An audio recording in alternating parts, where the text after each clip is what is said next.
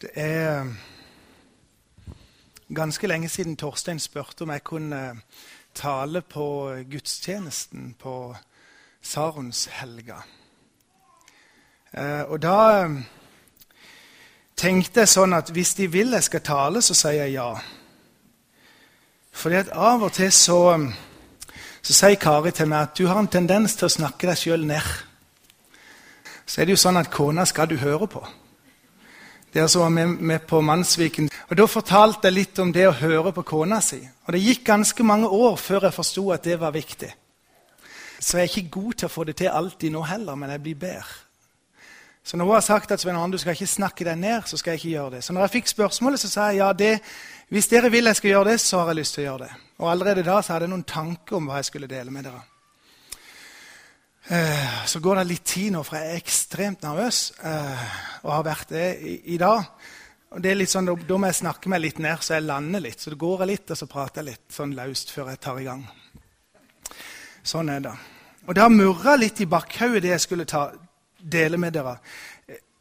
Helt siden spørsmålet kom. Og så, ikke sant, så når høsten kommer, så nærmer det seg. Og så begynner det å murre litt mer, og så ligger det og ulmer litt. Og så tenker du at du skal dele noen tanker, men jeg skal jo knytte det sammen med et, noen bibelvers. Um, det skal ikke bare være tatt ut av ingenting, men det skal være noe som, som du og meg kan høre. Og som, som, som, jeg tror Gud har lyst til å si til oss denne morgenen. Og det tror jeg det er. For når jeg leste tekster for søndagen, så tenkte jeg at ja, det er kanskje ikke bare meg som har tenkt på denne søndagen. Det er kanskje ikke bare meg som har tenkt på hva det går i i dag. Skal vi be sammen? Kjære far, takk for at du er her. Jeg vil takke deg for, for gudstjenesten som har vært fram til nå. Jeg takker deg for at vi kan få lov til å samles som storfamilien. Jeg har lyst til å be for ungene nå som er på forskjellige plasser i mine disipler. Jeg har lyst til at du er med og bare viser deg for dem. Du ser at barnesinnet er enormt åpna. Og det, ditt rike, det hører deg til. Og nå ber jeg at du kommer der. Så ber jeg at du kommer her, midt iblant oss. At du gjester oss, at du berører oss. At du taler til oss, at du åpner ordet ditt for oss. At vi bare får lov som barn å ta imot det du har til oss. Jeg ber om det i ditt navn, Jesus. Amen. Det er noe med søndag og mamma når jeg tenker litt tilbake i tid.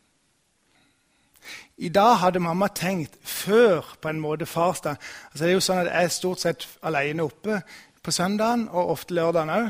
Så søndagen begynte litt sånn at mamma hadde nok tenkt at det var greit herifra og opp hvis hun hadde vært her. For jeg hadde slips på meg, jeg hadde trøye på meg, jeg hadde skjorte på meg, men jeg hadde dongeribukse. Men så kom jo farsdagen ikke sant? plutselig med, med, med ny bukse til meg. Det var jo kjempefint, for da hadde nok mamma vært fornøyd. For mamma tenkte at Dongeribukse det er arbeidsbukse. Så når, når, jeg fikk nye dongeribukser, og Kari fortalte hvor mye de kosta, så rista hun på hodet og forsto ingenting. For det at hjemme hos oss var det tydelig forskjell på søndag og hverdag i forhold til mange ting. Klær var én ting. Noen av oss har hørt Kristoffer Goa både fredag kvelden og i går kveld. Og Han sa det i går kveld. Han hadde tatt på seg slipset. Det hadde han ikke på fredag kvelden. Og det var sånn at når jeg reiste som predikant for mange år siden, da så jeg ut som en gammel gubbe, ifølge noen jeg kjenner godt. Og jeg gikk alltid med slips. Og jeg hadde lært hjemmefra at på søndagen så kler vi oss annerledes. Da er det fint. Mamma gikk alltid i skjørt. Og en ting hjemme hos oss er at øh, mamma lagde, brukte alltid lang tid på å lage middag på søndagen. For det var fin middag og, og god middag lært på husmorskolen for mange år siden. Men det stoppet der med det hun gjorde. For vaflene vi spiste til kaffe, de var stekt på lørdagen. Det går ikke i vårt hus. Det er helt uaktuelt. Vi spiser ikke engang kalde lapper. De skal være nystekte. Og Mamma bar med seg noe fra sin arv som er på mange måter fint, men som òg er, litt krevende. Dette med sånn eh, Det vi kan kalle for menneskebud. Ting som er bestemt og gjort ut fra ulike ting. Og Der var det nok noen sånne ting som har måttet gå seg til mellom meg og Kari. Noe jeg måtte lære av. Og kanskje noe her måtte lære inn. Fordi at uh, Det handler om noe mer. Søndagen handler om noe mer. Og Det tror jeg tekstene våre i dag snakker en god del om. Og det syns jeg er bra. Jesus snakker en del i, i Nytestamentet om menneskebud. og han, han, er, han, er, på deg, og, er, ty, og Bibelen er jo også tydelig på at vi skal ikke legge til eller trekke fra noe. Vi skal ta det sånn som det er. Sånn som Bibelen er, skal vi ta den. Ikke ta vekk noe, og ikke legge til noe. Men hør det der står. Så skal vi lese det som er teksta for, for denne søndagen. Det står i Lukas kapittel 13 og vers 10 til og med vers 17. En sabbat underviste han i en av synagogene. Det var en kvinne som hadde vært plaget av en sykdomsånd i 18 år. Hun var helt krumbøyd og kunne ikke rette seg opp. Da Jesus fikk se henne, kalte han henne til seg og sa, 'Kvinne, du er løst fra sykdommen din.' Han la hendene på henne, og straks rettet hun seg opp og lovpriste Gud.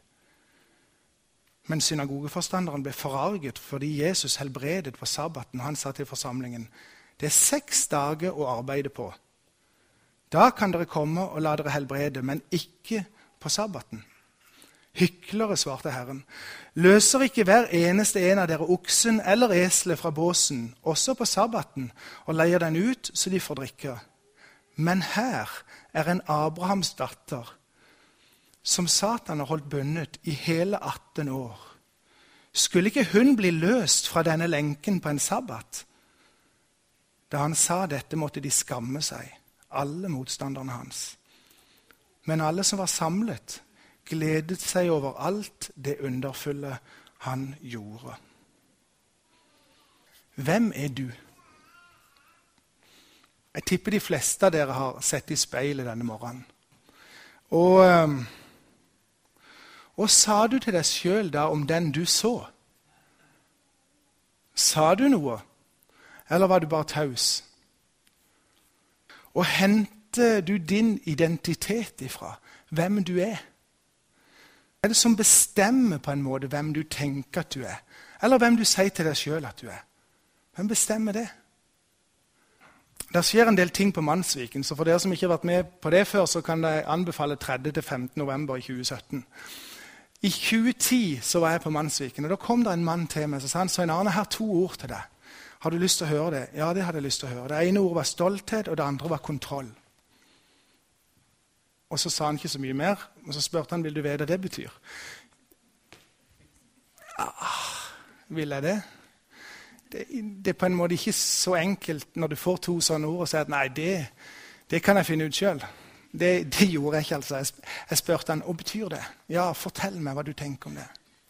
Og det, det Yngve brukte en 20 minutter, en halvtime på, på den mannsviken i 2010, forandrer ganske mye av min identitet. Eller min tanke om hvem jeg var. For det jeg så at jeg hadde tenkt mye på at det jeg gjør det er det jeg er. Jeg hadde vært gjennom en god del år og hatt en del verv her som var i prinsippet viktige. Og så var det blitt en del av meg. Mer enn den Svein Arne var. Jeg hadde vært med på ganske mange bestemmelser som var viktige, men som hadde tatt plassen for den Svein Arne var. Og jeg så at en full kalender, en full avtalebok, mange ting å være med på å gjøre, var viktige for hvem jeg var. Og så fikk jeg se at uh, min identitet var litt feil. Det jeg tenkte om meg sjøl, og det jeg sa om meg sjøl, var, var litt skeivt. Hvem sier du at du er når du presenterer deg? Når noen spør deg hvem du er, hvem sier du da at du er? Jeg sa at jeg hadde noen tanker når Torstein spurte meg. Og Første tanken som kom til meg, det er en sang som jeg av og til bruker i Bedehuskirka. Bruker den i lovsang noen ganger, og det er en nydelig sang. Han er på engelsk. Uh, Men vi skal høre to av de første versene. For det er på en måte tanken som kom til meg. Jeg har lyst til å dele litt rundt det. Hvem er jeg?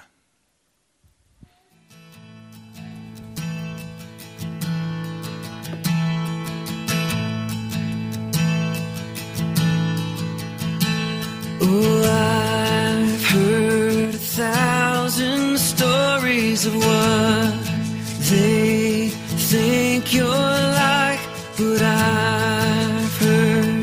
heard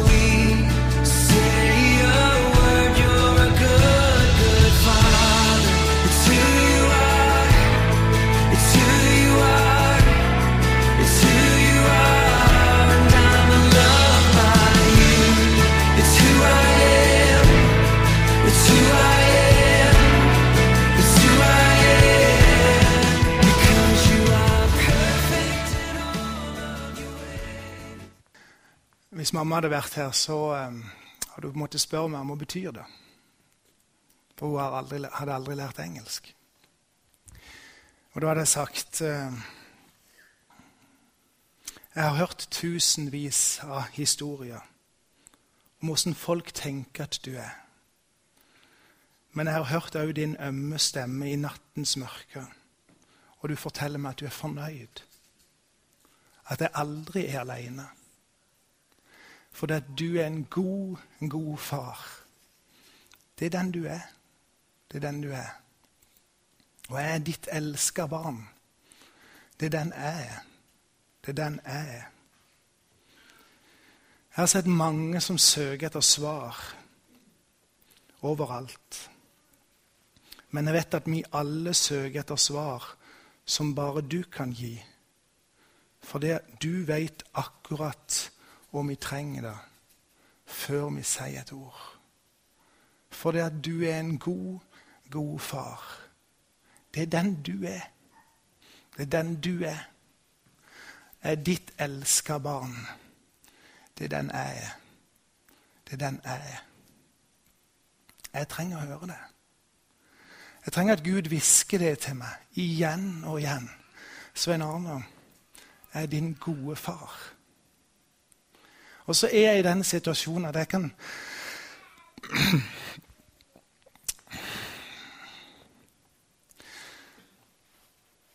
Dette er jo arbeidet av min far. Og det, det er av og til litt krevende. Men jeg er i den gode, gode situasjonen at jeg kan si at jeg arva mye godt etter min far og etter mamma. Og jeg håper at, eh, at jeg evner å gi det videre til mine, til de rundt meg. Og at jeg evner å ta imot det Gud vil si til meg om at jeg er hans barn. Og at han elsker meg akkurat sånn som jeg er. Uansett hva jeg prøver å få til. Uansett om jeg klarer å ta på meg og knytte slipsknuten. Uansett om jeg, hvordan jeg ser ut, eller hva jeg får til, eller hvor full min kalender er, så er jeg først og fremst Guds barn. Først og fremst Jesus sin. Og det har jeg lyst til å si til dere. For det tror jeg Gud ønsker å si til dere denne formiddagen. Du er først og fremst elska. Og det er så viktig At du og meg hver dag lar Gud tale det til oss før djevelen taler løgner til oss. At du og vi hver dag våger å si ja til Jesus før andre prøver å rote oss vekk ifra han. Ja, Gud er ditt elskede barn, òg denne dagen. Og når kvelden kommer, og når mørket siger på, la den stille stemmen ifra Gud hviske 'Jeg elsker deg'. I Sefania 3,17 så står det sånn Herren din Gud er hos deg, en helt som frelser. Han, han fryder og gleder seg over deg og viser deg på ny sin kjærlighet. Han jubler over deg med fryd. Ikke la andre fortelle deg løgntanker. Du er det ypperste Gud har skapt. Når Gud skapte verden, og så, så skulle han sette krona på verket, hva gjorde han da? Han skapte mennesker i sitt bilde, med er det. Sånn som du og meg er. Du og meg kommer med våre liv, uansett hvordan de er. Sånn eller sånn. Vi får lov til å komme med våre liv til Gud akkurat som vi er. Og så hva sier han da? Hva er hans respons? Jeg elsker deg. Jeg elsker deg. Våre nederlag tar han med åpne armer. Jeg hadde en sterk opplevelse når jeg var åtte-ni år, tenker jeg, med pappa. På gården på Fasseland der var det noen bønder sammen som hadde kjøpt ei traktorsprøyte som hang bak på, som, som, som var, vi var sammen om, eller bøndene var sammen om, tre-fire stykk. For det var en ganske stor investering, og gårdene på fastlandet er ikke så veldig store. Så, så det, var liksom, det var greit å kjøpe det sammen. Og Den hadde pappa satt på vår røde David Brown og gjorde klar til å sprøyte, men han skulle spise middag og han skulle hvile litt eh, før han gikk ut og sprøyta den kvelden. Rett etter middag så føyk jeg ut eh, opp og rundt på traktoren og kikket på denne sprøyta. Det var store greier. Det var jo helt nytt. Det var ikke så mange ganger vi kjøpte noe helt nytt og så dyrt. Og Jeg opp og ned på traktoren, og så var jeg borti hydraulikken. Og så bare smokk, så datt han ned. Eh, pumpa datt ned bak. Og Så hadde ikke pappa satt det helt sånn 100% på. Så et, et av rørbendene i plastikk kle, eh, knakk rett av. Og jeg visste jo at OK, det blir ikke sprøyting i kveld. Det er min feil. Min første reaksjon var akkurat lik som Adam og Eva. Jeg løpte og gjemte meg. Jeg gikk opp på rommet mitt og satt helt stille. Eh, og jeg hørte at pappa våkna. Og jeg hørte han gjorde seg i stand, og jeg hørte han gikk ut, og han gikk ut til traktoren. Så går det noen minutter, og så hører jeg pappa rope på Svein Arne. Det var ikke noe streng stemme. Jeg har av og til en streng stemme når jeg roper. Det hører Mathias av og til, og Susanne og Marte. Eh, men han ropte bare Svein Arne. Han trengte ikke å si mer. og Der kommer jeg ned loftstrappa. Så kikker han på meg. Og så sier han, 'Du skulle bare sagt ifra med en gang'. Og gjør det med en gutt på åtte-ni år som visste han hadde ødelagt noe som kosta noe, som ødela arbeidsdagen for faren. Jeg løp bare bort til han og holdt rundt han. Jeg hadde gjort noe galt, men jeg ble tilgitt. Og Gud er ikke sånn en som, som du kan overraske med livet ditt, med syndene dine. Jeg prøvde å gjemme meg, men han, han ser det jo. Og så lengter han bare etter at vi skal komme med livet vårt som det er, så han kan få tilgitt og gjenoppretta og satt oss i forhold til Han, som Han ønsker vi skal være. For så elsket Gud. På sånn måte elsker Gud mer det. Sånn elsker Han oss. Det som er merkelig med den fortellinga vi leser fra Bibelen, det er at han står midt innimellom noen lignelser. Og vi vet at Jesus, når han underviste folket, så, Når han snakket til de nærmeste, til disiplene og til de som gikk med han, så snakket han av og til litt vanskeligere. Da fortalte han gjerne historie, da, da snakket han, underviste han dem på en måte. Men når han snakket til alle folk rundt, når han samla 5000 for eksempel, og snakket til dem, så står det at da snakket han i lignelser. Da brukte han noe sånn at folket skulle forstå. Og hvis han ikke snakket med lignelse, altså sånne fortellinger, så snakket han ikke sånn til mange folk. Så er det litt rart, for denne historien den, den, den, den, om Jesus når han helbreder denne dama på, på søndagen eller sabbaten, så, så er det midt innimellom lignelser. Jeg har tenkt litt på hva er han henne, og er det han vil. Så vet vi det at, at Jesus han, så ofte han kunne, så gikk han til synagogen. Så ofte han kunne, så oppsøkte han huset der folk var. Så ofte han kunne. Og når det var sabbat, så var han der og så underviste han for dem. Så snakket han med dem, og så prøvde han å tegne et bilde. Så han var på sabbaten i synagogen. Og så ser han, når han har fortalt, når han har snakka, så ser han plutselig denne, denne krum, krumbøyde kvinna. Jeg er sikker på at alle hadde sett henne. Jeg tipper at kanskje ikke noen brydde seg så mye. Jeg tipper at hun var litt sånn at uh, hun var litt På gammel sørland så er det unnselig, men beskjeden eller tilbaketrukken eller litt sånn Hun, hun ville ikke stikke seg fram.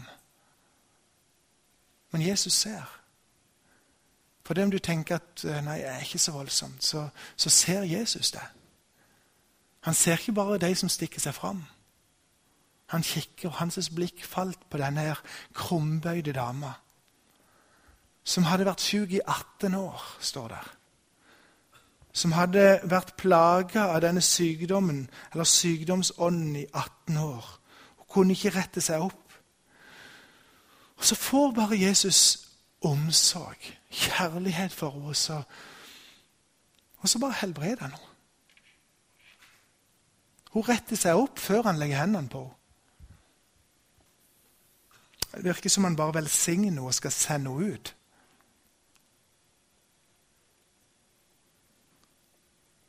Så er sjefen i huset der, altså. Synagogeforstanderen. Han ser dette så tenker han at på en søndag, eller sabbat, for å bruke ordet rett På en sabbat Og det rare er at han tør ikke konfrontere Jesus. Men han sier det til folket. Han tar den lette veien, for han har kanskje hørt Jesus før. Så snur han seg til folket som om Jesus sto der. Så snur han seg til folket. Hør, vi har sju, seks dager å arbeide på. Da kan vi helbrede. Men nei, vi gjør ikke det. Han helbreder på en sabbat. Det er merkelig å lese av og til i Bibelen. For Av og til så er det sånn at du forstår ikke helt hva, hva ligger der i hva, Og er tyngdepunktet her ennå? Hva er det Jesus egentlig vil fortelle oss? Hva er det som ligger under dette her? Er det noe mer? Og jeg tror det er noe mer. Jeg tror det er noe mer. Jesus, han eh, Han bare roper hyklere til dem. Det er jo ganske sånn wow. Og så tar han et bilde som alle kjente. Det er jo noen som må jobbe på lørdag. Nå er jo Bryne en by, ikke sant? og det er ikke så mange som trenger avløser her. Men, men, men det er mange som er avløsere, og vi må jo jobbe på en søndag. Det er jo ting som må gjøres. Vi må ha det rette perspektivet av og til. Av og til så trenger vi å trekke pusten og gå to hakk til, tilbake og spørre hva er viktigst? At hun blir frisk nå når hun er her, og Jesus er her, og kraften til å helbrede er der? Eller å vente til det passer i mitt hode på dagen etterpå, når det ikke er sabbat? Hva er best? Det er et retorisk spørsmål. For alle vet vi jo det er jo best at hun blir helbredet. Men det passet ikke inn i bildet de hadde. Det passet ikke inn i den pakken av menneskebud som de hadde lagt seg til. Og av og til, kjære venner, så passer ikke det som skjer, inn i mitt hode heller. Jeg fyker av og til opp hjemme. For i mitt bilde så mister jeg litt kontrollen på ting som skjer. Og så gjør noen av ungene noe, eller det blir sagt noe, og så fyker jeg opp. Og det er ikke mer enn tre dager siden jeg måtte gå inn til Mathias og be ham om tilgivelse på rommet. For det jeg hadde fykt opp over en ting som, jeg, som egentlig var bare sånn tullete greier. Fordi at det var mennesketing.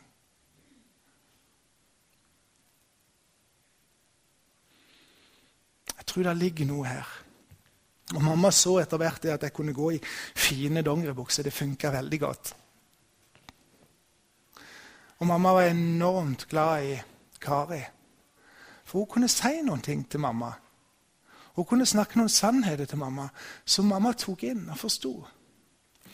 Så mamma fikk se det at mange av de reglene og budene og tingene som hun hadde fått med seg fra sin barndom, som var i et læstadiansk hjem, Skjervøy i Nord-Troms, var ganske snevre og var egentlig ikke så viktige som å høre hva Gud vil. Som å lytte til Gud. Og, og, og tenker du nå Kan du sprenge noen rammer i livet mitt? Klarer du å sprenge noen ting som jeg har satt meg fast i? I Matteus 15 så snakker Jesus om menneskebud og Guds bud. Og så sier han og Da siterer han faktisk fra Jesaja, der det også står om det. Han, han henter fram en profeti, og så sier han Dette folket ærer meg med leppene, men hjertet er langt borte fra meg. Forgjeves styrker de meg, for det de lærer, er menneskebud. Og jeg har tenkt, og må tenke, og må igjen og igjen la det tale til meg og si Svein Arne Det du reagerer på nå, er det menneskebud, eller er det Guds bud? Det du tenker nå, er det ut ifra redsel eller frykt fordi at du ikke liker forandringer eller liker noen nye ting? Er det ut ifra stolthet og kontroll i livet mitt? Eller er det Guds tanke? For av og til så er Gud større enn mine tanker. Faktisk ganske ofte. Faktisk alltid. Så er Gud større enn den boksen jeg ofte plasserer han inn i. For jeg ønsker ikke å være blant de som ærer Gud med leppene. Det står en annen plass å ha skinn av gudsfrykt, men fornekte kraften. Det, for meg er det sånn at det taler til meg og mitt hjerte. Svein Arne, prøver du å skinne av gudsfrykt? Og så fornekter du gudskraften? Eller våger du å gå det steget videre og la Guds kraft få lov til å forandre det? forme det. For noen år siden så tror jeg det var Ingunn Marie som begynte å bruke en lovsang, eller en sang i lovsangen på gudstjenesten. Jeg tror det var Ingunn Marie. Jeg skal ikke si det helt sikkert, men uansett. Det var en, det var en sang som ga meg backflash fra søndagsskolen. Og For meg så er søndagsskolen pappa på tre grep på gitaren. Eh, og fiske eller eple eller gullfisk i garnet. Jeg husker ikke mange søndagsskolefortellinger, men jeg var der hver eneste gang for pappa var søndagsskolelærer. Eh, jeg husker Jesus er kongen min. Hans barn jeg er. Og når den sangen kom som lovsang på en gudstjeneste, så klarte jeg ikke å synge. Jeg ble som jeg ble i stemmen nå. Jeg ble veldig sånn beveget. Jeg klarte ikke å synge, for det, det henta fram noen ting fra livet mitt. Det henta fram noen gode følelser, noen varme følelser, noe som lå bak der, som lå bak i sekken min, og som bare velta fram, og så kjente jeg at Gud, jeg vil være i ditt rike. Jeg vil ha deg til konge. For ditt rike er et annerledes rike. Ditt rike er litt opp ned i forhold til det vi tenker. Ditt rike der du råder, Gud, det er litt annerledes enn det vi forestiller oss, enn det vi klarer å få til. Ditt rike vil jeg være en del av. Og Det er en fantastisk sterk tekst i den sangen. Jesus er kongen min, mektig og god. Jeg er hans eiendom, kjøpt med hans blod. Hender og føtter små, allting skal Jesus få. Jesus er kongen min, mektig og god. Jesus er kongen min, kjemper med meg. Mot alle fiender på livets vei. Alltid han sterkest er, fyrsten for rikets hær. Jesus er kongen min, kjemper med meg. I Jesajas kapittel 9 der er det en profet om Jesus, profeti om Jesus. og Der står det sånn.: For et barn er oss født, en sønn er oss gitt. Herreveldet er lagt på hans skulder. Han har fått navnet Underfull rådgiver, veldig Gud, evig far, fredsfyrste. Og så står det Så skal herreveldet være stort, og freden uten ende over Davids trone og hans kongerike. Det er noe annerledes med kongeriket til Jesus og Gud. Det er noe annerledes enn monarkiet i Norge eller alle andre monarki i hele verden. Det er noe med det kongedømmet som gjør at jeg har lyst til å være en del av det. I går kveld Hans, siterte Hans Kristoffer Goa fra Johannes' åpenbaring, kapittel 7. Og det, det, det bare stoppet meg, så talte det til hjertet mitt og sa Svein Arne, her er det noe som du ikke helt forstår. Som er en del av det store bildet, som er en del av kongedømmet. Deretter så jeg en skare så stor at ingen kunne telle den av alle nasjoner og stammer, folk og tungemål. De sto foran tronen og lamma. Da så en skare, sa Johannes, så stor, av alle nasjoner og stammer, folk og tungemål. Kan du tenke deg det kongeriket? Der Jesus er kongen. Der vi får være hans barn. Der vi får være Guds sine Der vi får lov til å leve fordi at han elsker oss. Og så skal vi en dag stå foran en trone. Og så skal vi se oss rundt. Og så er det folk vi aldri hadde trodd skulle være der, stå rett på sida av oss. Det er en historie om to damer som satt i ei kirke på julaften. og Så kommer der inn en bak og sklir ned på benken bak. og så, og så kjenner de at han har ikke akkurat vært på toalettet før han kom. På en måte. Han hadde nok mer vært på Vinmonopolet. Og så kikker de litt bak, og så bøyer ene seg bortover andre og sier hvis hvis han er frelst, altså, da er det bare nåde.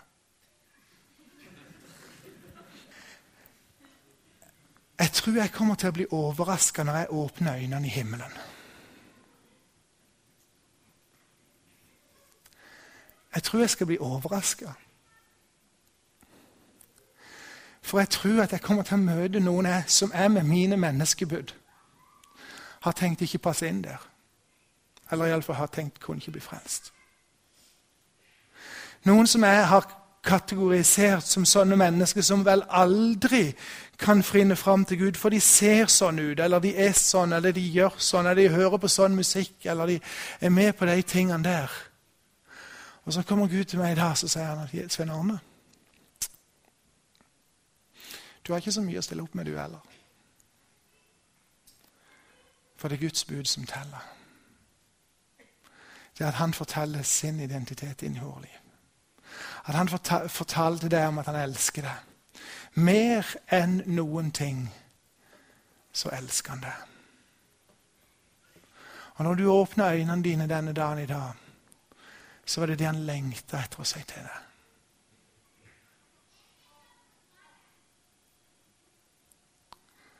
For å ta knekken på løgntankene.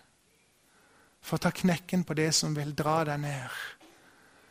For ta knekken på det som vil forkludre det bildet at Gud så at alt var overmåte godt. For en Gud vi har. For en Gud vi tilhører. Og jeg er så glad for at han tilgir. Jeg er så glad for at han reiser oss opp. Jeg er så glad for at det er nåde nok for meg og mitt liv.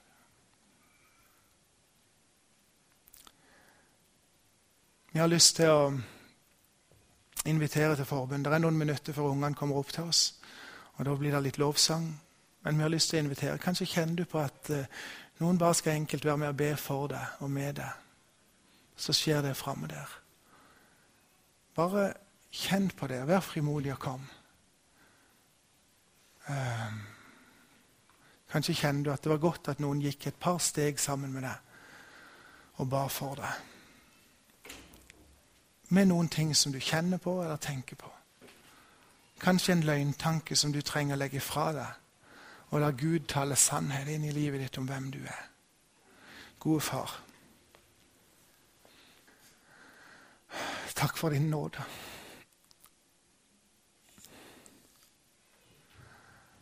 Takk for alle de gangene du har uh, tatt imot meg. Bare sagt du skulle komme før Svein Arne.